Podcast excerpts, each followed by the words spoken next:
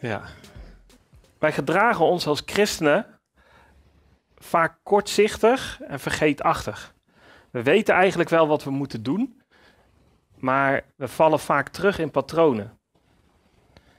Want wie heeft er nog nooit meegemaakt dat iemand naar hem toe kwam met een probleem en dat onze eerste reactie is: wat kan ik voor je doen?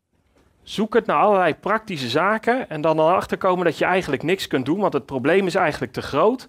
En dan dat je zegt: Nou ja, ik zal voor je bidden.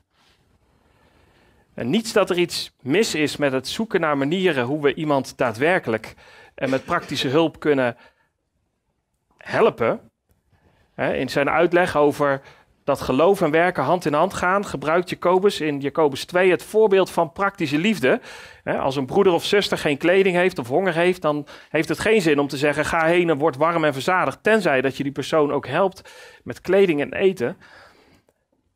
Maar het rare is dat wij vaak gebed als uiterst redmiddel zien, als laatste mogelijkheid. Terwijl we ook in het gedeelte van vandaag zullen zien dat we gaan lezen 1 Timotheus 2, dat dit een startpunt zou moeten zijn, een uitgangspunt. En we staan daarin niet alleen, want de discipelen van Jezus lieten hetzelfde gedrag zien. Um, als we nou eens kijken hier naar de eerste wonderbare spijzering. Voor de mensen die de, uh, meelezen met het Nieuwe Testament in het jaar. Uh, dan hebben we dat deze week hebben we dat gelezen. Is dat de Heer Jezus kwam. En dat er op een gegeven moment een, nou, meer dan 5000 man en dan nog kinderen en vrouwen erbij. In een eenzame streek zonder eten bij zich, dat die daar waren. En nou, dan, dan, dan zegt, zeggen de discipelen, nou ja, stuur ze maar weg. En dan, want ja, ze moeten maar eten gaan zoeken.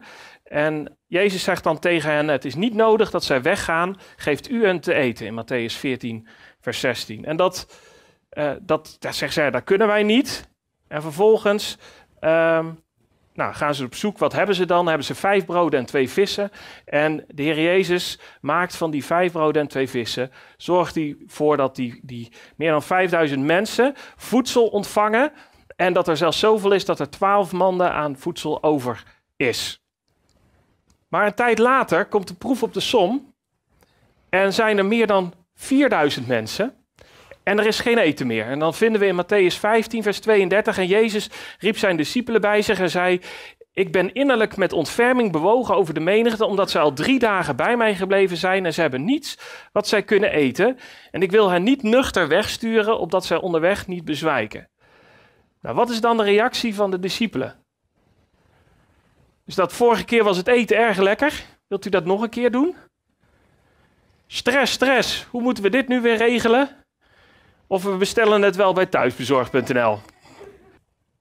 We zien dan in Matthäus 15, vers 33, zijn discipelen zeiden tegen hem: Waar halen wij in een afgelegen plaats zoveel broden vandaan dat wij zo'n grote menigte kunnen verzadigen? Dus hun eerste reactie was: De Heer Jezus stelt ze op de, lijkt ze gewoon op de proef te stellen door hun nu de vraag te stellen: van nou oké, okay, uh, uh, regelen jullie het maar. En de eerste reactie van hen is, ze proberen het zelf te doen. En dan gaan ze bij zichzelf afvragen, hoe moeten wij dit nu weer doen? Terwijl ze meteen bij God hadden moeten aankloppen. Is dat herkenbaar? We gaan uh, 1 Timotheus 2 lezen.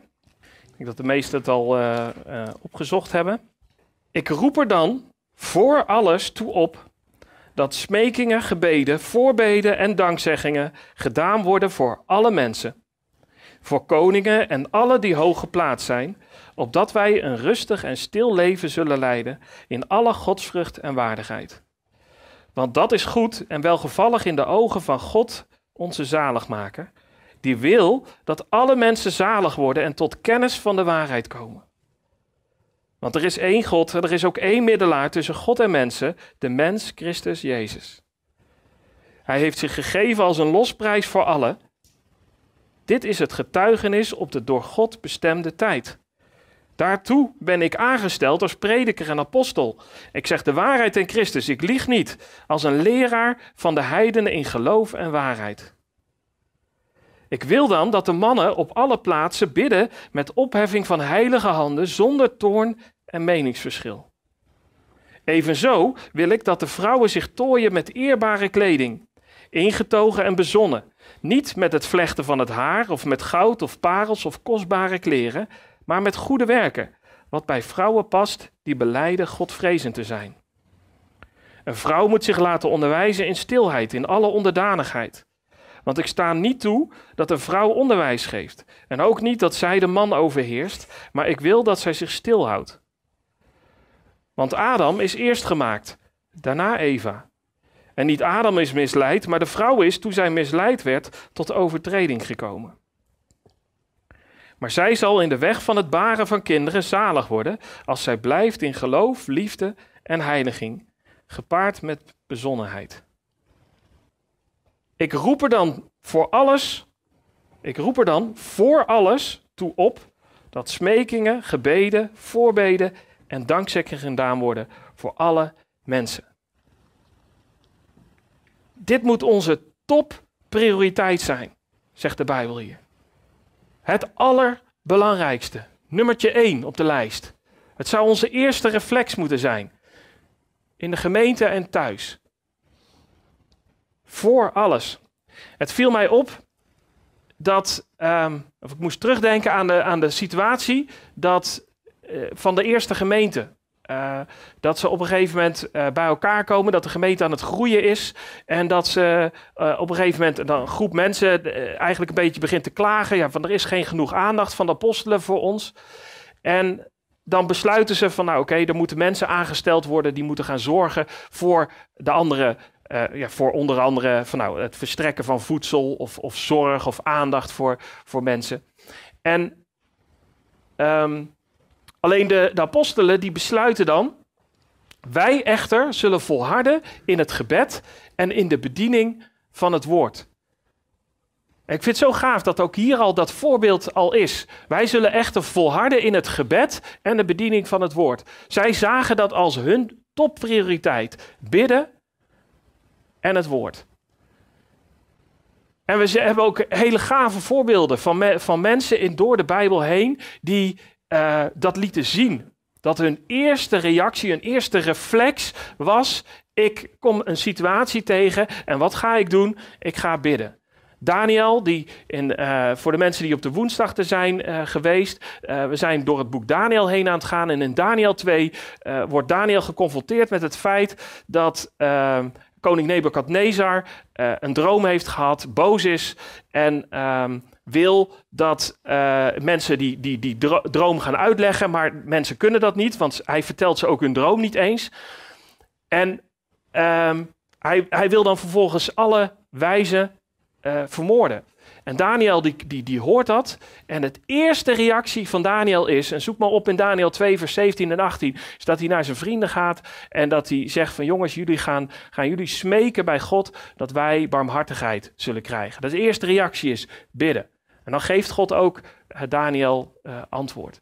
En we zien in Esther, dat, dat het, boek Esther, waarin uh, ook weer de, de, er een groot probleem is. koning Ahasveros, die heeft een wet uitgevaardigd door, door Haman, geleid eigenlijk, waarin de Joden uitgemoord mochten gaan worden. En Esther is daar aan het hof van de koning en, die, en, en Mordechai zegt tegen Esther van, joh, jij moet naar die koning toe gaan. Maar ze weet dat als zij zomaar bij die koning komt, dat er een probleem is. Dat, ze, dat dat gevaarlijk is om dat te doen. En het eerste wat Esther dan zegt is, willen jullie voor mij gaan vasten en bidden? En dan zal ik misschien genade vinden. En Hiskia, die, alle, een, koning om hem heen, die Sanherib volgens mij, die, die hem, uh, uh, die, die Israël bedreigt, of Juda bedreigt. En um, Hiskia die, krijgt dan brieven waarvan hij eigenlijk spot met de God van hemel en aarde. En dat hij zegt van, ja, wie is jullie God dan, die, die jullie zou gaan redden uit, uit, uit mijn handen? En het eerste wat Hiskia daar doet, is, is die brieven pakken. Hij gaat naar de tempel van God en hij, gaat het, hij spreidt het uit voor de Heer. En hij zegt, Heer, help me. Dus daar hebben we goede voorbeelden. En dit is wat wij ook moeten doen. Ik roep er dan voor alles toe op. En wat moeten we dan doen? Hij gaat verder. Dat er smekingen, gebeden, voorbeden en dankzeggingen gedaan worden voor alle mensen. Voor koningen en alle die hoog geplaatst zijn. Opdat wij een rustig en stil leven zullen leiden in alle godsvrucht en waardigheid. We zien smekingen, we zien gebeden, we zien voorbeden en we zien dankzeggingen. En hij noemt het niet voor niets, al deze aspecten. We zien het, smekingen, wat, wat eigenlijk is vragen voor een, voor een nood die je hebt. Dat je zegt van, dit, ik, ik, ik kan het niet. Gebeden, waarin wij eigenlijk de, de, de, de heilige God ook aanbidden. Voorbeden is dat wij in de, in de bres springen. Uh, dat wij, het woord daarin, dat suggereert dat je dicht bij iemand komt, intiem, om, om, om voor iemand te pleiten. En in dit geval is dat dan dat we bij God komen om te pleiten voor iemand. En dankzeggingen.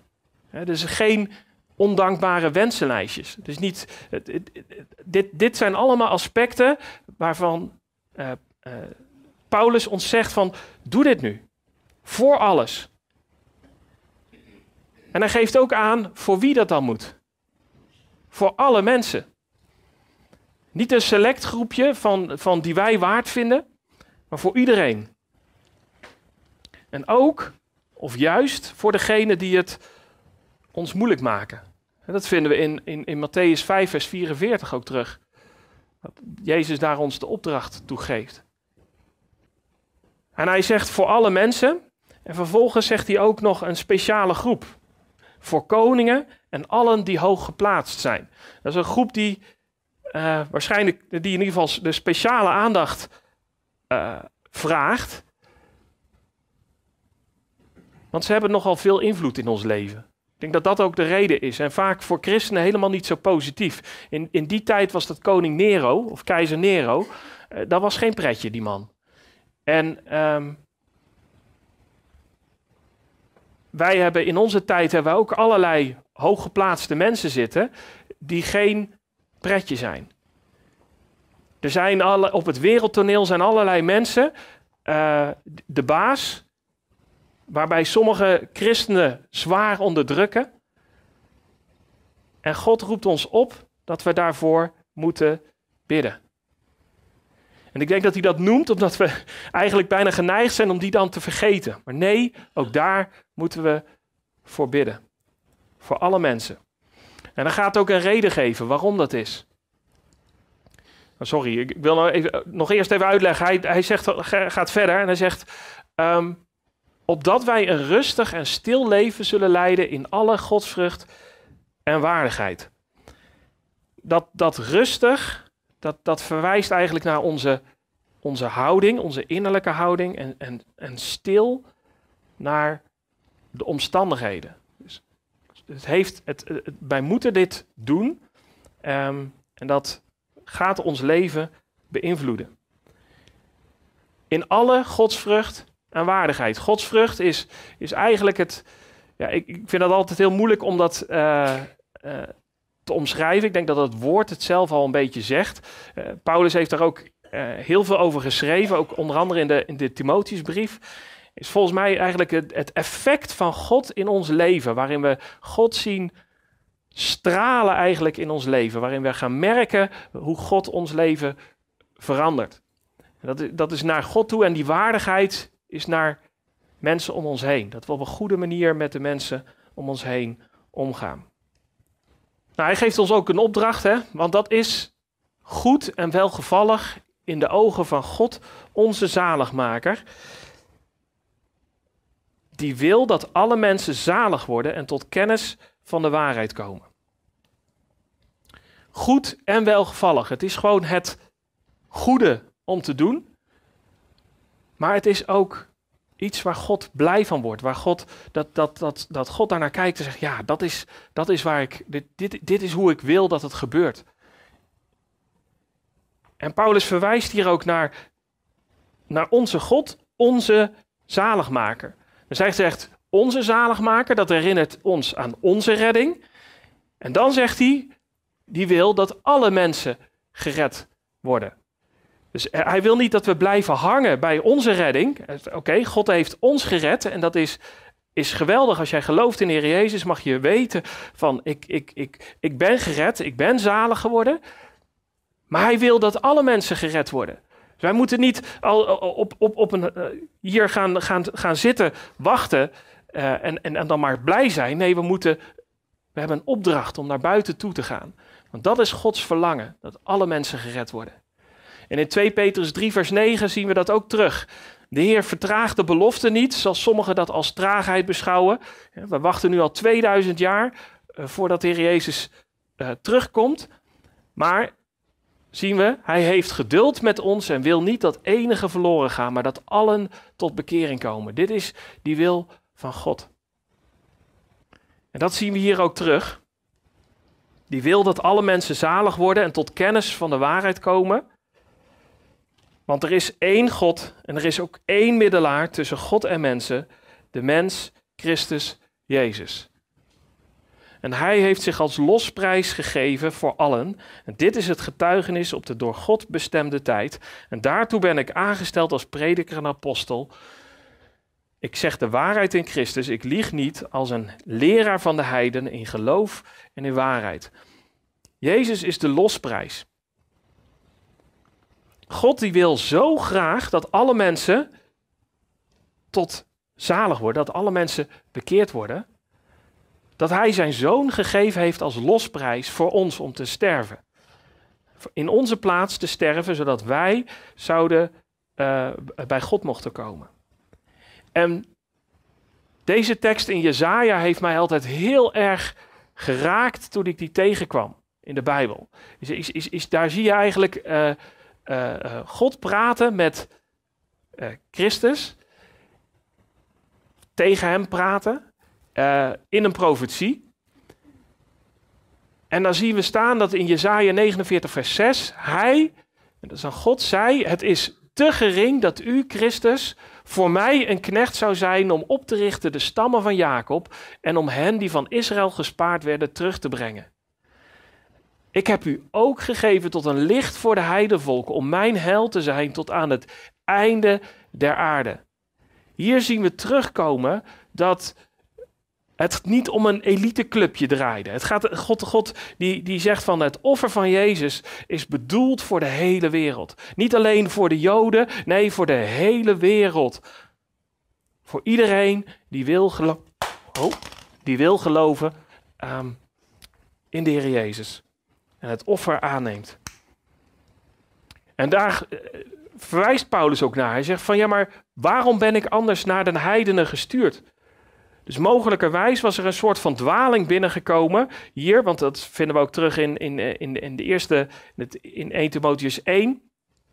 Want dat er dwalingen waren, is, is dat mensen weer zeiden van ja, maar wacht even, hij is alleen voor ons gekomen, hij is alleen voor de Joden gekomen.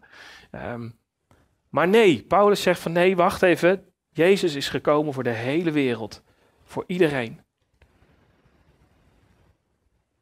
Hij zegt, en daarom, eh, doet hij ook nog aan zijn eigen uh, roeping uh, refereren. Dat hij zegt van ja, kijk nou eens naar mijn eigen roeping. Ik ben gestuurd naar de heidenen. Waarom zou ik anders naar die heidenen gestuurd zijn? En hier zien we dus Gods diepe verlangen terugkomen dat hij wil dat alle mensen zalig worden. hij heeft zoveel van de wereld gehouden dat hij zijn enige geboren zoon gegeven heeft, opdat een ieder die in hem gelooft niet verloren gaat, maar eeuwig leven heeft. Het probleem zit erin dat deze tekst, die kennen, mijn dochters kennen die uit hun hoofd. Um, want dit is zo'n belangrijke tekst. Die hebben we samen geleerd. Want uit genade bent u zalig geworden door het geloof. En dat niet uit u. Het is de gave van God, niet uit werken, opdat niemand zou roemen. Deze tekst heeft Paulus zo'n uh, twee jaar hiervoor geschreven naar de Efeze. En, en dit vertelt ons dat wij uit puur genade gered zijn. We zijn uit geloof gered. En zelfs het geloof is een gave van God. Er is niemand die in de hemel kan komen en die kan zeggen: Ik ben hier, oh, want ik heb geloofd en mijn buurman niet. Dus zelfs het geloof is een gave van God. Niemand zou roemen. Behalve in Jezus. Behalve zal zeggen, Jezus heeft mij gered. God heeft mij gered. En het risico hiervan is dat jij gaat zeggen, ja, maar God moet het dus doen. Ik kan het niet, maar God moet het doen in mijn leven. En, en, en, nou, en zo zijn er ook kerken die zeggen van, och, mocht het mij toch overkomen. Of och, mocht het die ander toch overkomen. En, en het resultaat is dat je, dat je, dat je, dat je ehm, passief wordt. Maar de tweede kant is net zo waar. We zien, in de Bijbel ook opdrachten. We zien bijvoorbeeld: bekeer u en laat ieder van u gedoopt worden in de naam van Jezus Christus tot vergeving van zonde. En u zult de gave van de Heilige Geest ontvangen. Dat heeft God ook gezegd. En dat zijn eigenlijk twee kanten van dezelfde munt. Het hoort bij elkaar. Het is het een en het ander. God zegt, het is, je bent gered uit genade door het geloof en dat niet uit u. En aan de andere kant roept hij ons op om ons te bekeren. En dat zien we hier ook terugkomen. Gods diepe verlangen, zichtbaar in Christus. Jezus is de middelaar. Jezus is gekomen om ons te redden, om ons bij de Vader te brengen. Zonder Jezus was het niet mogelijk. Maar er is nog een aspect ook dat, dat hij zegt van wacht even, je bent ook, Jezus is ook middelaar. De heer Jezus heeft gezegd in Johannes 16, vers 23 en 24, voorwaar, voorwaar, ik zeg u, alles wat u de Vader zult bidden in mijn naam, zal hij u geven. Tot nu toe hebt u niets gebeden in mijn naam, bid en u zult ontvangen, opdat uw blijdschap volkomen zal worden. De heer Jezus staat eigenlijk ook in de bres voor ons. En wij mogen nu bij de Vader komen. In zijn naam mogen wij uh, bidden. Naar zijn wil. Wat hij wil. En we, hebben net gezien wat hij wil. Hij wil dat alle mensen tot. Uh, dat alle mensen zalig worden. Dus Gods verlangen is de, om gered te worden. En daarvoor heeft hij zijn zoon gegeven. En onze uh, actie moet dus zijn dat we niet passief op de bank blijven liggen. Maar onze actie moet zijn dat we erop uitgaan. Maar wel als eerste reflex gebed. Wij hebben de opdracht om ga dan heen, onderwijs al de volken. Die opdracht hebben we in Matthäus 28. Maar bij Bijbel maakt hier duidelijk dat het eerste moet zijn wat wij gaan doen, is bidden. Bidden voor de mensen om ons heen. Bidden voor alle mensen, omdat God wil dat ze zalig worden. En dan hoe dan? Hoe moeten we dan bidden? Dan gaat Paulus wat instructies uh, geven. En in dit gedeelte geeft Paulus instructies aan de mannen en aan de vrouwen. En hij begint met het wijzen op de verantwoordelijkheid van de mannen om te bidden. Hij zegt niet dat vrouwen niet moeten bidden, maar hij spreekt mannen aan op die verantwoordelijkheid.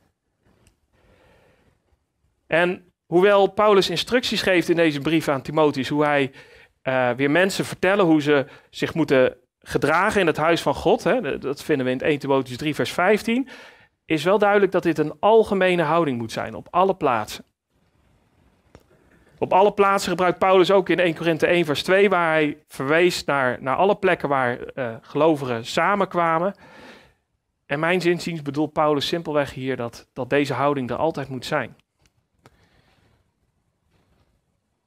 We zien op verschillende plaatsen in de Bijbel dat men bidt met opgeheven handen.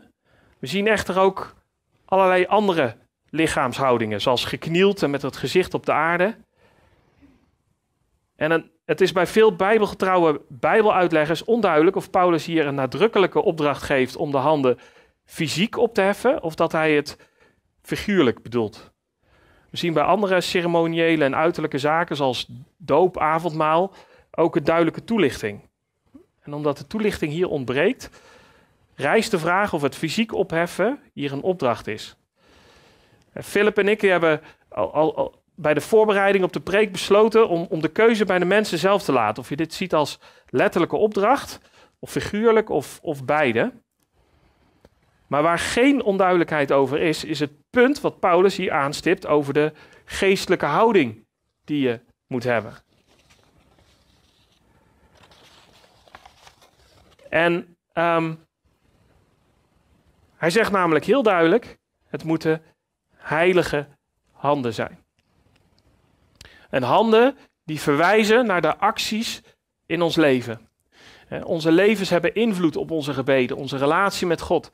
En toen ik dit las, moest ik denken aan ehm, het gedeelte in Jesaja 1.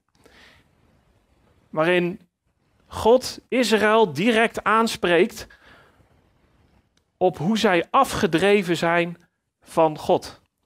Hij zegt op een gegeven moment: Uw nieuwe maansdagen, uw feestdagen, haat ik met heel mijn ziel. Ze zijn mij tot last. Ik ben moe om ze te dragen.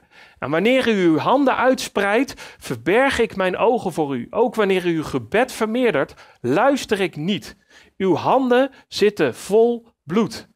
Was u, reinig u, doe uw slechte daden van voor mijn ogen weg. Houd op met kwaad te doen, leer goed te doen. Zoek het recht, help de verdrukte, doe de weesrecht. Bepleit de rechtszaak van de weduwe.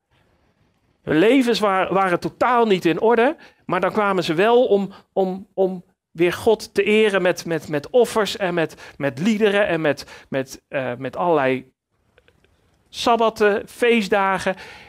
En God had hun die opdracht gegeven om dat te doen. Maar hij zegt van, ik, ik, ik, ik wil in eerste instantie wil ik dat jullie levens in orde zijn. Ik wil dat jullie met mij leven. Ik wil dat jullie mij gehoorzamen. En, en hij eh, omschrijft dat hier, dat hun handen vol met bloed zijn door hun slechte daden die ze doen. En hij roept ze op om ze te wassen, te reinigen. In de Psalm 24 vinden we uh, terug. Wie zal de berg van de Heer beklimmen? Wie zal staan in zijn heilige plaats? Wie rein is van handen en zuiver van hart.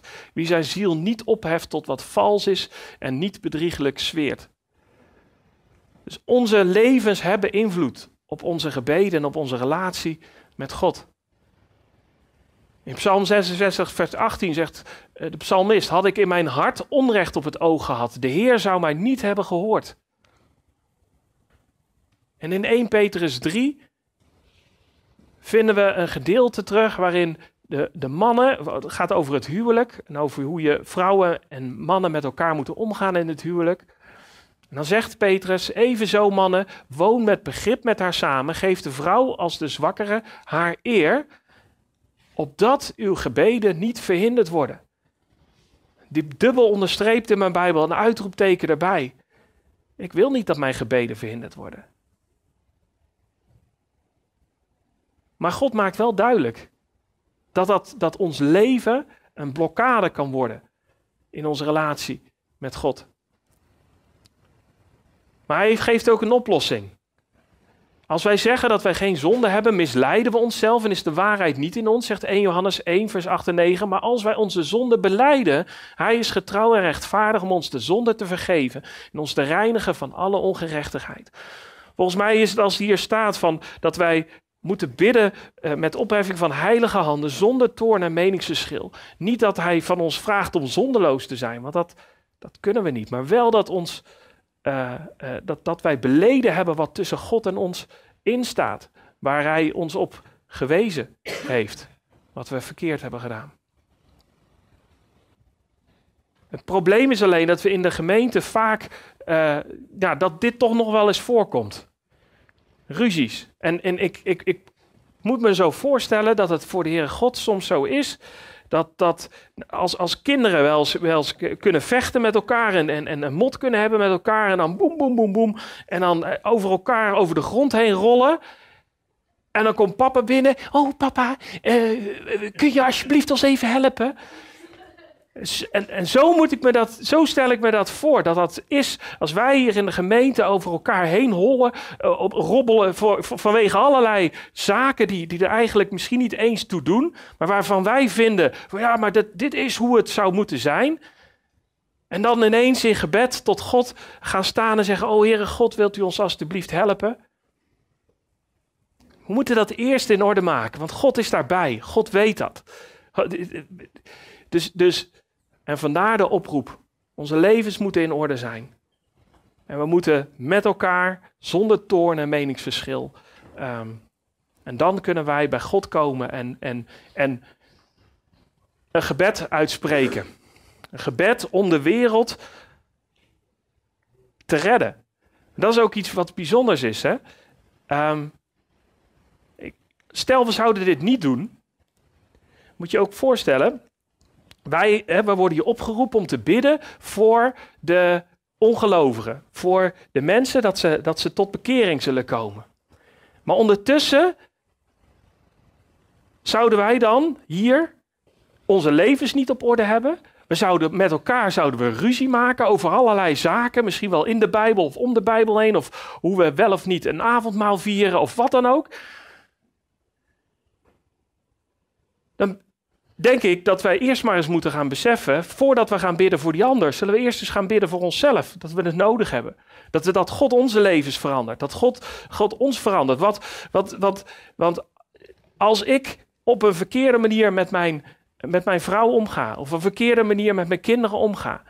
En, en, en wel bid voor mijn buurman, wat, wat goed is. Maar wat nou als ik de buurman dan naar mijn leven kijkt en denkt, ja maar, is dat nou een christen? Is dat nou het evangelie wat hij brengt? Dat hoef ik niet. Ik denk dat daarom ook die opdracht hier is, is om te beseffen, onze levens moeten op orde zijn. Onze levens moeten heilig zijn, gericht op God. En, uh, en dan kunnen wij bezig met die opdracht om het evangelie te brengen aan, aan alle volken in gebed. Dus de oplossing, nogmaals, is niet weglopen, maar oplossen die problemen. En als wij niet weten of er iets voor in de plek staat, dan heeft de psalmist in Psalm 139 ook een prachtige tekst geschreven. Doorgrond mij, o God, en ken mijn hart. Beproef mij en ken mijn gedachten. Zie of er bij mij een schadelijke weg is. En leid mij op de eeuwige weg. Als dit ons hartsgesteldheid is, dan hebben wij de vrijmoedigheid om bij God te komen. Dan weten wij van ja, dit is. Um, dan zal de Heer ons de dingen aanwijzen in ons leven. En dan kunnen we ze beleiden, dan kunnen we ze nalaten en dan kunnen we um, ja, de goede weg wandelen. Evenzo, zegt Paulus, wil ik dat de vrouwen zich tooien met eerbare kleding. Dus hij heeft net wat verteld over hoe de um, mannen zich moeten gedragen. Hoe hun houding moet zijn, hoe geestelijke houding moet zijn. En nu geeft hij een opdracht voor de vrouwen. En hij zegt eigenlijk: laat je binnenkant schijnen, niet de buitenkant.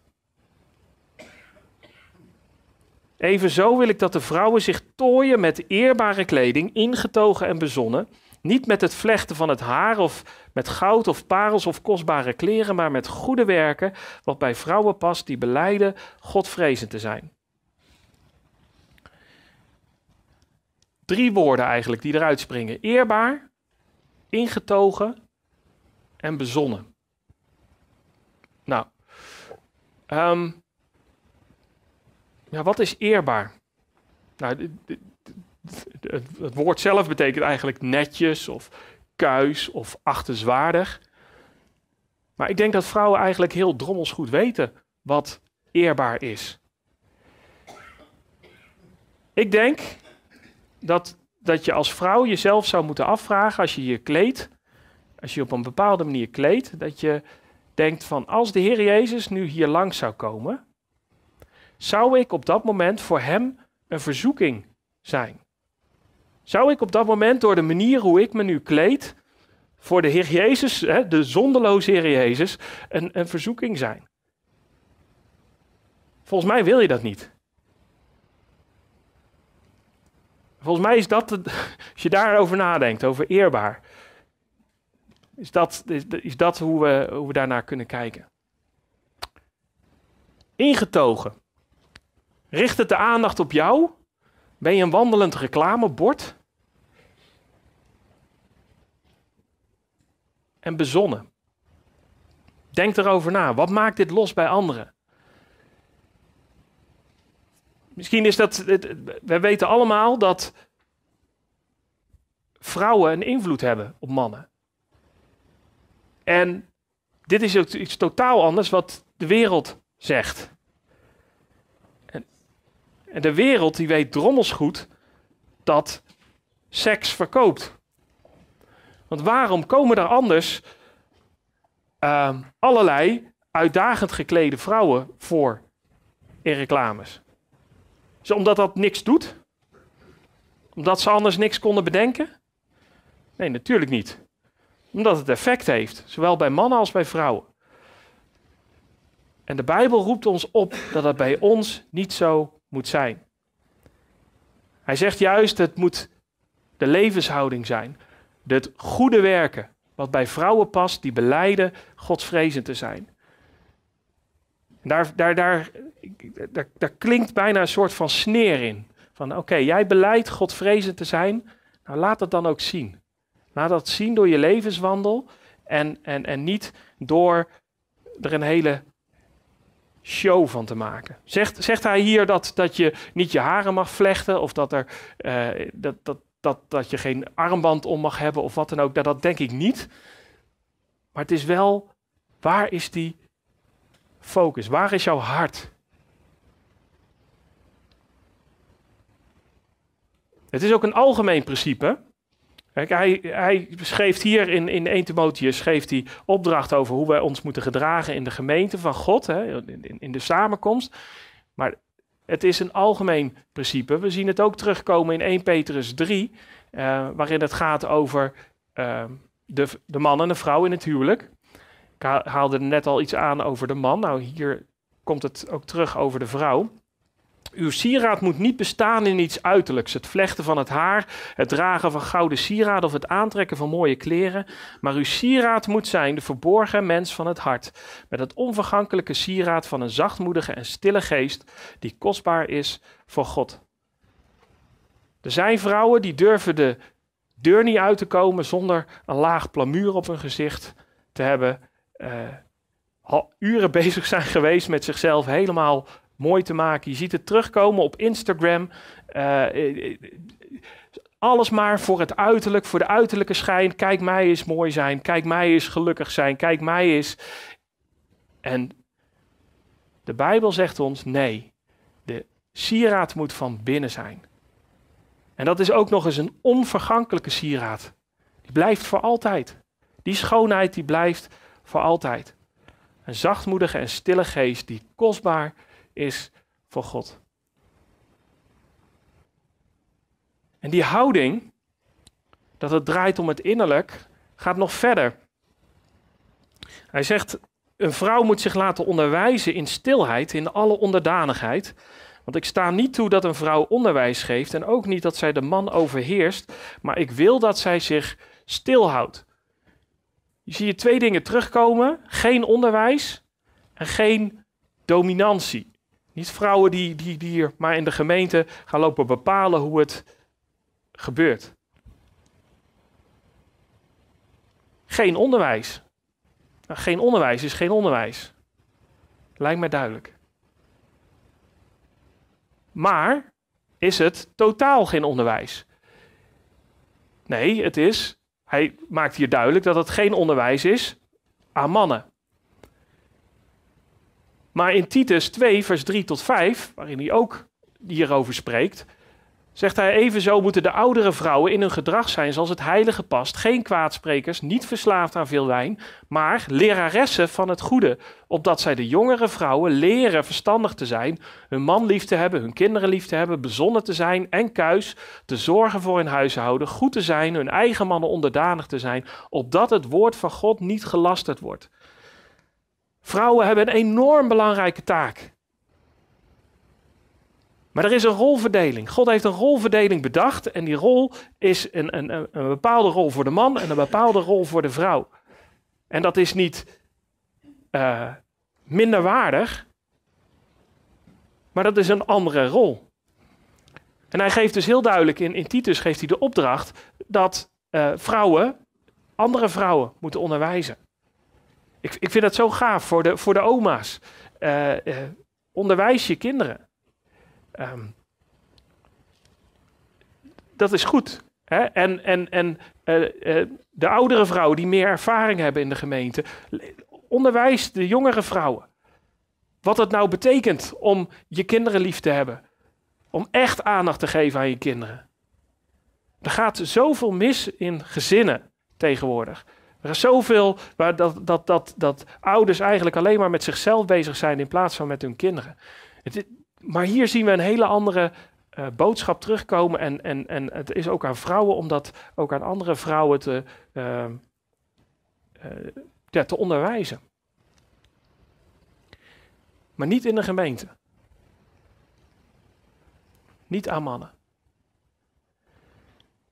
En dit is een, niet iets cultureels. Hij, hij grijpt meteen terug op, de scheppings, op het scheppingsplan. Hij zegt, Adam is eerst gemaakt, daarna, daarna Eva. Want Adam is eerst gemaakt, daarna Eva. En niet Adam is misleid, maar de vrouw is toen zij misleid werd tot overtreding gekomen.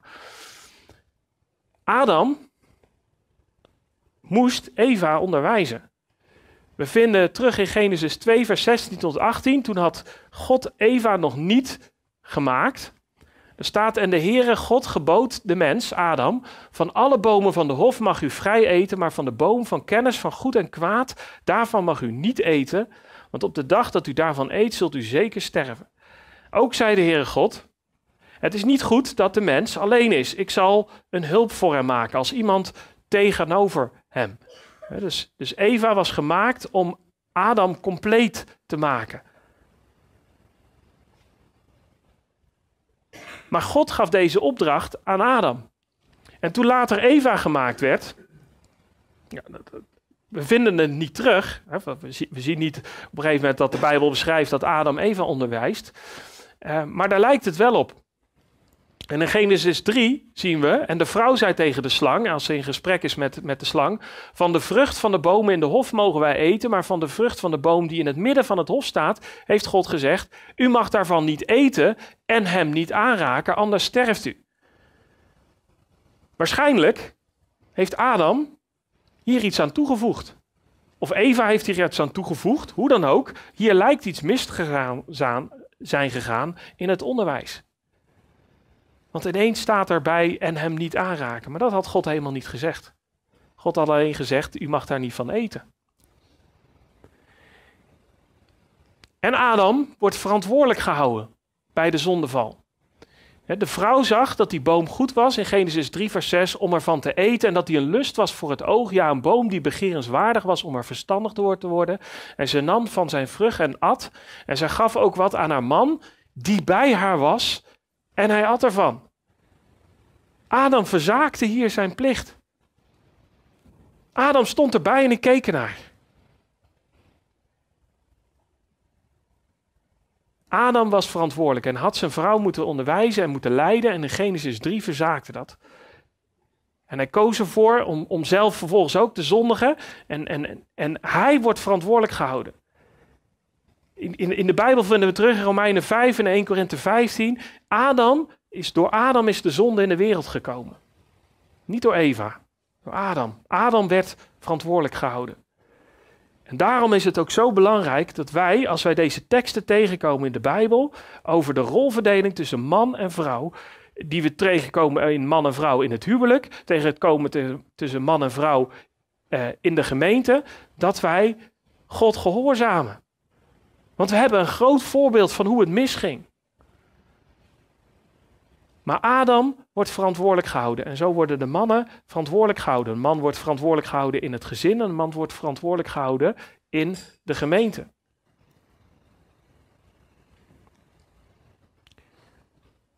Maar zij zal in de weg van het baren van kinderen zalig worden als zij blijft in geloof, liefde en heiliging, gepaard met bezonnenheid.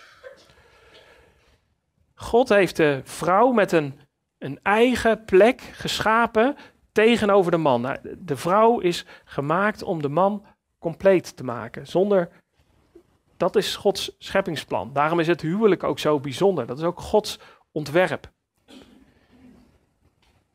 En daar zitten ook eigen zegeningen aan vast. Een man kan nooit, hoe graag hij het ook zou willen, negen maanden lang een baby in zijn buik dragen. Een vrouw heeft een unieke band met het kind, zelfs als het nog niet geboren is.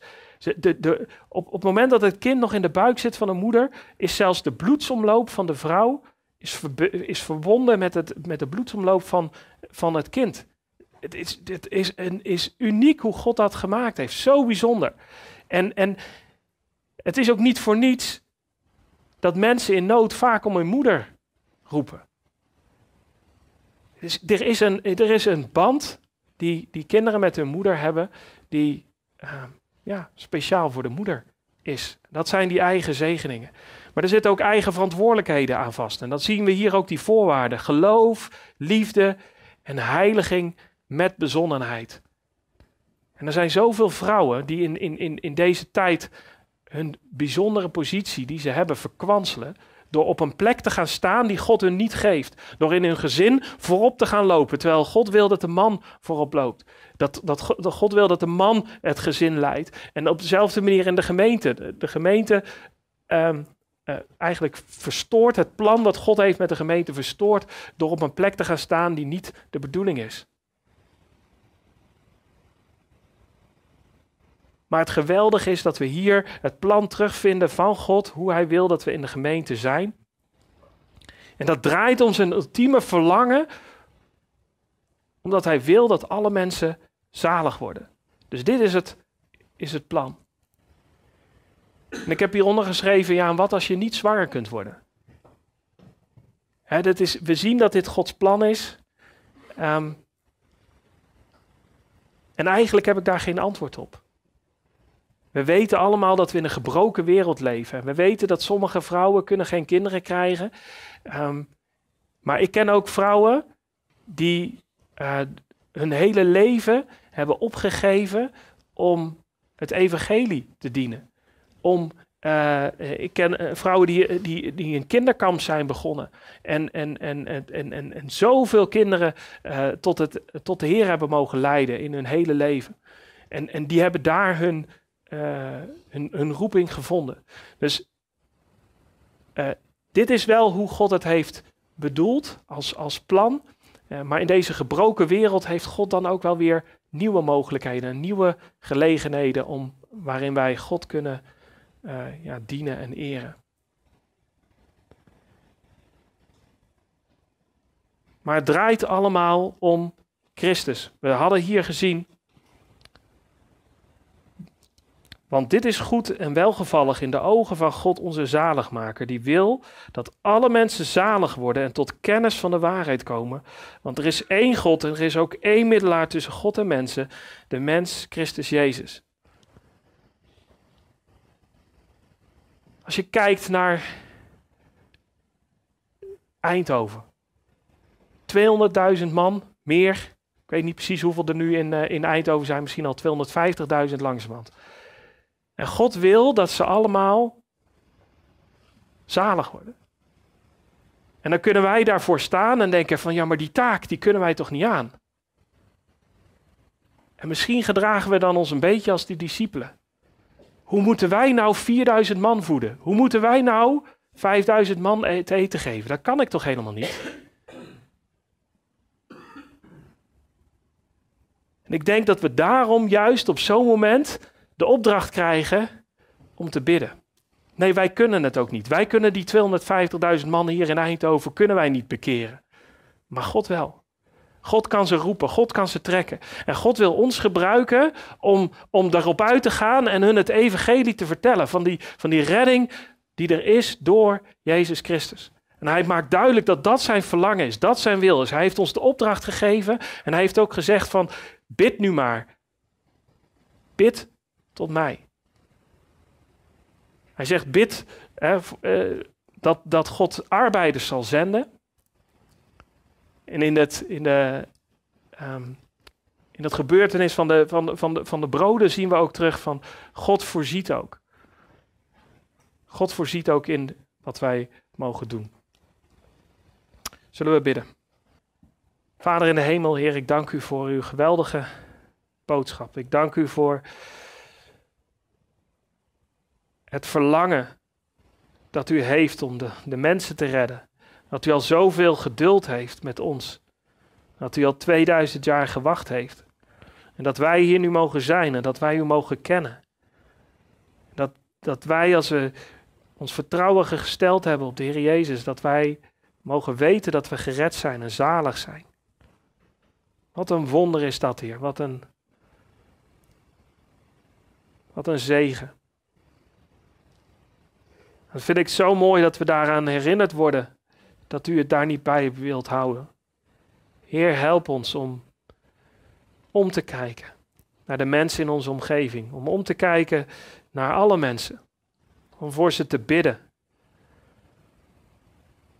Om voor ze te smeken. Om voorbeden te doen, Heer. Om te danken voor het werk wat u doet.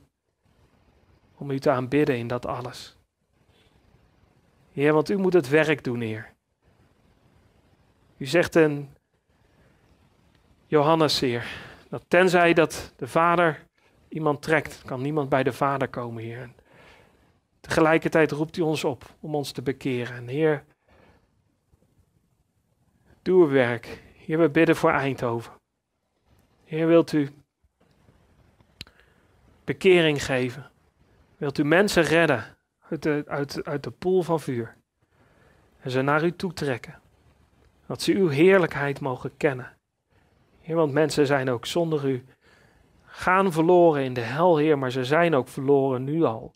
En we zien dat in het leven. We zien mensen die, die hun leven kapot maken. Heer, ze hebben u nodig. Heer, we bidden u voor Eindhoven. We bidden u ook voor onze regering. Heer, ze maken soms zulke rare beslissingen, Heer. Maar we bidden u voor, voor hun, wilt u ze zegenen. Wilt u hen zo leiden dat, dat uw plan volvoerd zal worden. Heer, we danken u voor dat, dat wij het niet zelf hoeven te doen. We danken u dat u uw zoon heeft gegeven, dat we in zijn naam u mogen bidden voor iets wat, wat uw verlangen is. Heer, daar danken we u voor. In Jezus' naam. Amen.